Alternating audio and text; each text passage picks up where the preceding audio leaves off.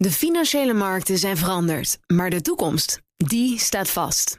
We zijn in transitie naar een klimaatneutrale economie. Dit biedt een van de grootste investeringskansen van onze generatie. Een kans voor u om mee te groeien met de pioniers van morgen. Meer weten? Ga naar carbonequity.com. Carbon Equity. Do good by investing better. Goedemorgen van het FD. Ik ben Roger Cohen en het is donderdag 19 januari.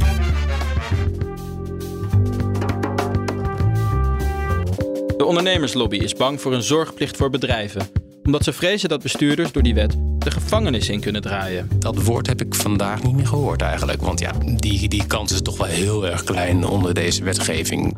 Nu zelfs in Japan de prijzen oplopen, zijn ook daar alle ogen gericht centrale bank. Maar de afgelopen dagen ontstond echt wel speculatie in de markt dat ze toch misschien iets zouden moeten doen. En de waardes van commercieel vastgoed kelderen. Eigenaren worden hard geraakt door de stijgende rente. Ja, op het moment dat je meer rente moet betalen, dan heb je meer rentelasten en kun je minder bieden. Dit is de dagkoers van het FD. We beginnen in de Tweede Kamer, waar gisteren een ronde tafelgesprek was over de wet verantwoord en duurzaam internationaal ondernemen. Parlementair verslaggever Cor de Horde was erbij. Hij vertelt wat er in deze initiatiefwet staat. Er staat kort goed in dat bedrijven in kaart moeten brengen uh, wat hun, hele leveringsketen is. Heb je wel goed op orde dat daar geen misstanden zijn op het gebied van arbeid, bijvoorbeeld kinderarbeid of uh, totale uitbuiting? Op het gebied van milieu, uh, ja, dat er gif geloosd wordt. En ook nog aan toegevoegd het klimaat, dat, dat, dat er geen slechte klimaatdingen gebeuren. Dat moet je dus als bedrijf allemaal weten. En als je ziet dat er eh, risico's zijn met betrekking tot dit soort punten, dan moet je ook een actieplan opstellen. En om dit nou concreet te maken, hè? stel ik ben de HEMA en ik bestel babyrompertjes die worden gemaakt in uh, Vietnam. Hoe heeft die wet dan uh, toepassing op mij? Als je de vraag zo concreet gaat stellen, dat is ook het grootste bezwaar van de critici. Hij is niet heel erg concreet. In de wet staat niet, uh, ja, je, mag, uh, je, je moet eisen dat, um, dat, uh, dat er maximaal 9 uur werkweek is of zo bij je toeleverancier. Of, of ik noem maar wat. Het zit heel open geformuleerd, zoals het dan heet, waar je je aan moet houden. Ik begrijp ook dat bestuurders ook bang zijn dat zij persoonlijk aansprakelijk worden gesteld. Hè, als ze niet die hele keten op orde hebben. Dat zei de topman van Boskalis bij ons in de krant. Woensdag is er een hele eh, zitting geweest uh, in de Tweede Kamer met allerlei uh, betrokkenen en deskundigen over deze wet. Daar herhaalde hij nog eens zijn, zijn angst en ook de VNO. overigens is het wel wat mij opviel dat in de, in de aanloop de afgelopen weken naar deze zitting werd vaak gedreigd met dat, dat er gevangenisstraf boven het hoofd zou hangen. En dat woord heb ik vandaag niet meer gehoord eigenlijk. Want ja, die, die kans is toch wel heel erg klein onder deze wetgeving. Die, dat, dat was een klein beetje overdreven, denk ik. Ja, dus bedrijven zeiden van uh, je moet oppassen, want die aansprakelijkheid kan zo groot zijn. Dat uh, onze bestuurders nog in de gevangenis komen als we het niet helemaal goed ja, doen. Ja, straks blijkt dat, dat we de zaken in, in Bangladesh toch niet helemaal goed in het, in het oog hadden. En dan, uh, en, en dan zit Bedowski in de Nor. Oké, okay, nou, maar dat viel dat, nog dus mee, bleek gisteren bij de hoorzitting. Dat, ja, dat viel, viel nog wel een beetje mee, ja. Er zijn ook bedrijven die nu juist zeggen: wij vinden dit een heel goed wetsvoorstel. Ja, nou ze hadden er eentje, zo eentje uitgenodigd. Dat, uh, het is wel grappig, dat is dan de verstegen van de, van de kruiden. Um, ja, uh, maar die zijn nu al vrijwillig al, al, al, mee bezig. En ik heb, ik heb in de pauze nog even met die, met die mevrouw gesproken... die, daar, die, die, die, die, die ervoor verantwoordelijk is voor dit soort taken. Dat het dus dat het allemaal um, maatschappelijk verantwoord wordt ingekocht. Ja, en die heeft al die landen afgereisd... Heel veel kruiden komen nog steeds Indonesië trouwens. Leuk om te weten. En daar blijkt het inderdaad iets. Ze zegt het is, het is echt van een lange adem. Je kan het niet zomaar uh, doen. Maar uiteindelijk, um, zij zegt, ik ben toch wel voor, een soort wetgeving. Want uiteindelijk um, doen anders te weinig bedrijven doen mee. En die, die, die bedrijven die niet meedoen, die kunnen op een gegeven moment te makkelijk wegkomen. Want het kost natuurlijk wel geld om het een beetje goed in beeld te brengen allemaal. En het kabinet is zelf ook verdeeld, hè, de regeringscoalitie. Um, wat verwacht je dat er nu gaat gebeuren? Wordt het wetsvoorstel nog aangepast? Het is al flink aangepast in af. Maar die eerdere versie die, die, had wel trouwens het risico van die gevangenisstraf. Dat, dat hebben ze de grotendeels uitgesloopt, de initiatiefnemers. Ik verwacht dat ze dit gewoon gaan uh, doorzetten uh, in de behandeling. Maar ja, Zoals je al opmerkte, de, de coalitie is niet, um, is niet op één lijn. Met name de VVD en CDA, die, die staan behoorlijk op de rem. En die verwijzen ook naar het feit dat er een Europees traject is opgestart.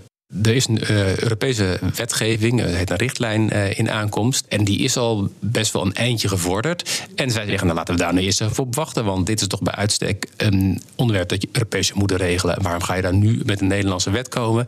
Nou ja, en de voorstanders zeggen, ja, maar Europese wetgeving... Dat, dat duurt al een eeuw voordat het echt doorgevoerd wordt. Dus laten we dan gewoon doorgaan. Want Nederland is het eerste land niet. En we beginnen zelfs achterop te lopen. Kortom, die, die, die, daar zie je echt een splijtswam binnen de coalitie maar goed, het, het kabinet, je ziet dat die, met, met Worstel, die hebben zich er niet over uitgelaten zelf. Want uh, ja, die denken ook, maar dat is een mooi, dit is een initiatiefwetje. Maar op een gegeven moment moeten ze er iets over vinden. Ja, en dan uh, moeten ze hom of kuit geven van gaan we eh, dit, dit, voorstel steunen, ja of nee. Dus wat men nu, wat, men nu aan het doen is, is aan het praten met de initiatiefnemers om te kijken van kunnen we de wet zo in elkaar draaien dat uiteindelijk iedereen ermee tevreden is, omdat die dan wel een beetje aanhaakt bij wat er waarschijnlijk uit Brussel komt en nou ja, dan uh, dat uiteindelijk iedereen door de deur komt. Dat zou waarschijnlijk de, de uitkomst worden. Een mooi Hollands poldercompromis. Waarschijnlijk wel. Wil je nou meer horen over deze wet en het vestigingsklimaat in Nederland? Luister dan aankomende zaterdag naar onze weekendpodcast, De Week Voorbij. Dan de imploderende vastgoedmarkt. Beleggers zien de waarde van hun panden snel dalen. Vorig kwartaal gingen regelmatig tientallen procenten af in de taxaties. En dat komt allemaal door de stijgende rente, legt vastgoedredacteur Erik van Rijn uit. Dat is net zoals bij een woning. Op het moment dat jij je hypotheeklast omhoog gaan, wat we nu zien, ja, dan zie je dus ook dat uh, mensen hogere maandlasten hebben en minder kunnen bieden voor, een, uh, voor het huis dat ze willen aanschaffen. Nou, zo werkt dat ook een beetje in dat commerciële vastgoed. Het dien verstande dat, dat zeg maar in het vastgoed wordt heel veel geleend ook voor om panden aan te schaffen. Dat gebeurt niet allemaal met het geld dat van beleggers zelf is, maar daar lenen ze heel veel voor. Dat heeft een paar voordelen, namelijk dan kun je met hetzelfde geld meer kopen. Hè? Als je 10 miljoen hebt, kun je één gebouw kopen. Maar je kunt ook voor vier gebouwen kopen met elk 2,5 miljoen eigen inleg en dan 7,5 miljoen bij de bank lenen. Dus dat kan. En wat er ook mooi aan is, is dat je met die schuld kun je dus eigenlijk ervoor zorgen dat je rendement hoger wordt. En zeker de afgelopen jaren hebben we gezien dat vastgoedbeleggers hele goede rendementen konden boeken, omdat die rentes zo laag waren. En op het moment dat jouw rentelasten heel laag zijn, laten we zeggen 1%, en jij kunt een rendement maken van 5% op zo'n vastgoedobject, ja, dan is dat super aantrekkelijk om te doen, omdat dan eigenlijk je lasten, rentelasten veel lager zijn dan het rendement dat je boekt. En ja, nu zijn die rentes verdriedubbeld in veel gevallen en kan dat spelletje niet meer, eh, kan het eigenlijk niet meer uit. De rente gaat natuurlijk omhoog omdat de inflatie is gestegen. Uh, van oudsher is vastgoed ook, wordt ook altijd gezien als een goede belegging in tijden van inflatie. Want je kunt uh, hogere huren vragen. In die zin word je daardoor beschermd tegen die inflatie. Ja, dat kan nog steeds. En dat is ook wel wat die waardedaling die we nu zien ietsje dempt. Als je vastgoed hebt, dan kun je inderdaad uh, de huren vaak verhogen met het inflatiepercentage. Nou, dat is nu 10%, dus dat is hartstikke hoog. Maar dat verhaal is anders op het moment dat je natuurlijk nieuw vastgoed wil gaan kopen. Of dat je vastgoed wil gaan verkopen. Ja, dan spelen die huurinkomsten natuurlijk wel een, wel een, die indexatie natuurlijk wel een rol. Alleen dan spelen die rentestijgingen, die, ja, die hakken er dan toch wel, uh, toch wel flink in. Ja, het waren goede jaren. Daar komt nu een uh, einde aan, zo lijkt het. Zie je dat eigenlijk al in het aanbod? Nou, je ziet wel, dat is ook wat deze waardedaling in gang heeft gezet, dat je de tweede helft van het afgelopen jaar zag je al veel minder transacties. Omdat die rentes zo gestegen waren, waren partijen bijvoorbeeld in onderhandeling. En toen bleek in één keer, ja, we kunnen die lening niet meer afsluiten tegen 2% rente, maar ik zeg maar wat, maar tegen 4 of 5%. Ja, dat betekende dat allerlei sommetjes niet meer uit konden. En dat heel veel vastgoedtransacties tegen het einde van vorig jaar al niet meer doorgingen. En de deals die doorgingen, die gingen tegen veel, veel lagere prijzen. En taxateurs kijken natuurlijk op het moment dat ze kijken naar gebouwen die niet verkocht worden, wat die waard zijn. Dan kijken ze natuurlijk naar die transacties van de afgelopen tijd. En daar zagen ze dat die waardes flink waren gedaald. En dat vertaalt zich nu dus ook bij bestaand niet verkocht vastgoed in lagere waardes. En hoe groot is het probleem? Komen er ook partijen echt in nood omdat hun rentelasten flink oplopen of omdat ze zo stevig moeten afwaarderen? Bij de Rabobank zien ze dat, hebben we nog even gevraagd, dat zien ze op dit moment nog niet in grote getalen. Daarvoor is misschien dan nog iets te vroeg met, met die verstanden dat het natuurlijk wel zo is dat op het moment dat jouw vastgoedwaardes dalen, dan ja, dan kom, kom je vaak soms ook in de problemen met bepaalde schuldratio's. Voorwaarden die banken stellen op het moment dat jij een vastgoedfonds bent en je hebt heel veel vastgoed in bezit en je schulden staan niet meer echt in verhouding tot het geld dat je hebt geleend. ja, dan komen banken soms ook wel even om de hoek kijken om te zeggen van hé, hey, dat, dat onderpand dat wij eigenlijk hebben op die, op die lening, dat is nu in één keer een stuk minder, stuk minder waard. Dus dat is in potentie, zou dat wel een probleem kunnen zijn. Maar dat zien ze dus volgens nog niet. Maar het is even, het is even, even afwachten of dat nog wel gaat gebeuren. En tot slot, Japan. Daar is de rente al jarenlang laag. En zelfs nu de prijzen oplopen, verhoogt de centrale bank de rente nog steeds niet tegen de verwachting van beleggers in. Beursredacteur Arend Klaassen vertelt waarom. Volgens de centrale bank zakt de inflatie in het midden van het jaar toch weer onder het doel van de 2%. En dat rechtvaardigt dus dat uh, ruime beleid nog in de ogen van de bank. En wat veroorzaakt die uh, oplopende inflatie in Japan? Het zijn verschillende dingen. De yen is door het ruime beleid uh, verzwakt, omdat tegelijkertijd andere banken wel de rente verhogen. Er is daardoor importinflatie. De energieprijzen zijn natuurlijk ook uh, gestegen wereldwijd. Japan is daar niet immuun voor. Hetzelfde geldt voor de voedselprijzen. Maar inmiddels zie je ook in bepaalde diensten zie je toch wel een beetje de prijzen gaan oplopen. Dus het, het, het wordt wel wat breder dan alleen uh, importinflatie. Wat was de reden dat sommige beleggers er toch wel rekening mee houden dat de rente verhoogd zou worden? Nou, toch een beetje het gevoel dat, eh, dat Japan dit op de lange termijn uh, niet, niet kan volhouden. Uh, terwijl wereldwijd de rente stijgen en de inflatie stijgt. Ook in Japan zelf dat er toch een keer een draaiende beleid aan moet komen. De basisverwachting was wel dat het beleid hetzelfde zou blijven bij deze rentevergadering. Maar de afgelopen dagen ontstond echt wel speculatie in de markt dat ze toch misschien iets zouden moeten doen. Dat noopte de Japanse centrale bank ook om de afgelopen dagen voor uh, koorbedragen aan obligaties op te kopen. Ja, zelfs zo sterk dat uh, van bepaalde eh, uitgiftes, bepaalde senior-obligaties, hebben ze nu uh, circa 90% in bezit. In een enkel geval zelfs 97%.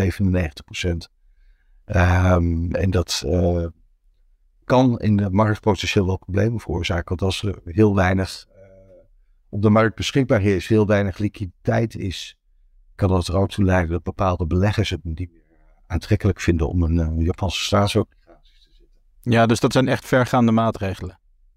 Ja, ja nou ja, als, als beleggers zich terugtrekken, dan, dan roept het ook de vraag op van, nou ja, is dat nog gewenst als centrale bank? Kom je toch op het punt dat ze misschien uh, afscheid moeten nemen van het beleid. Ja, uh, de huidige gouverneur stapt na tien jaar op binnenkort. Ja. Zadelt hij zijn opvolger nu met een enorm probleem op, denk je? Uh, er komt wel steeds meer spanning op te staan. Je hebt dat eigenlijk bij de andere grote centrale banken ook gezien. Die hebben uh, op het moment dat de inflatie begon op te lopen, hebben ze toch redelijk lang gewacht uh, met eh, zeg maar het keren van hun beleid. Dat kost ook altijd tijd om, eh, om die steven te wenden, zeg maar. En naarmate Curoda langer zeg maar, niet verandert aan het beleid, wordt de druk op zijn opvolger op het moment dat die draai wel nodig is wordt wel steeds groter. Die moeten dan binnen, binnen korte tijd uh, veel meer doen waarschijnlijk.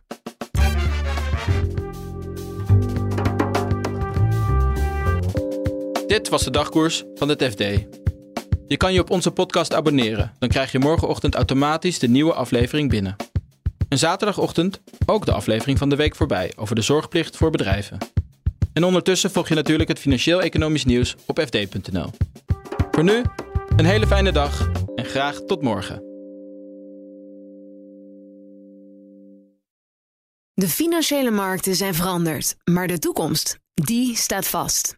We zijn in transitie naar een klimaatneutrale economie. Dit biedt een van de grootste investeringskansen van onze generatie. Een kans voor u om mee te groeien met de klimaatoplossingen van morgen. Meer weten? Ga naar carbonequity.com. Carbon Equity. Do good by investing better.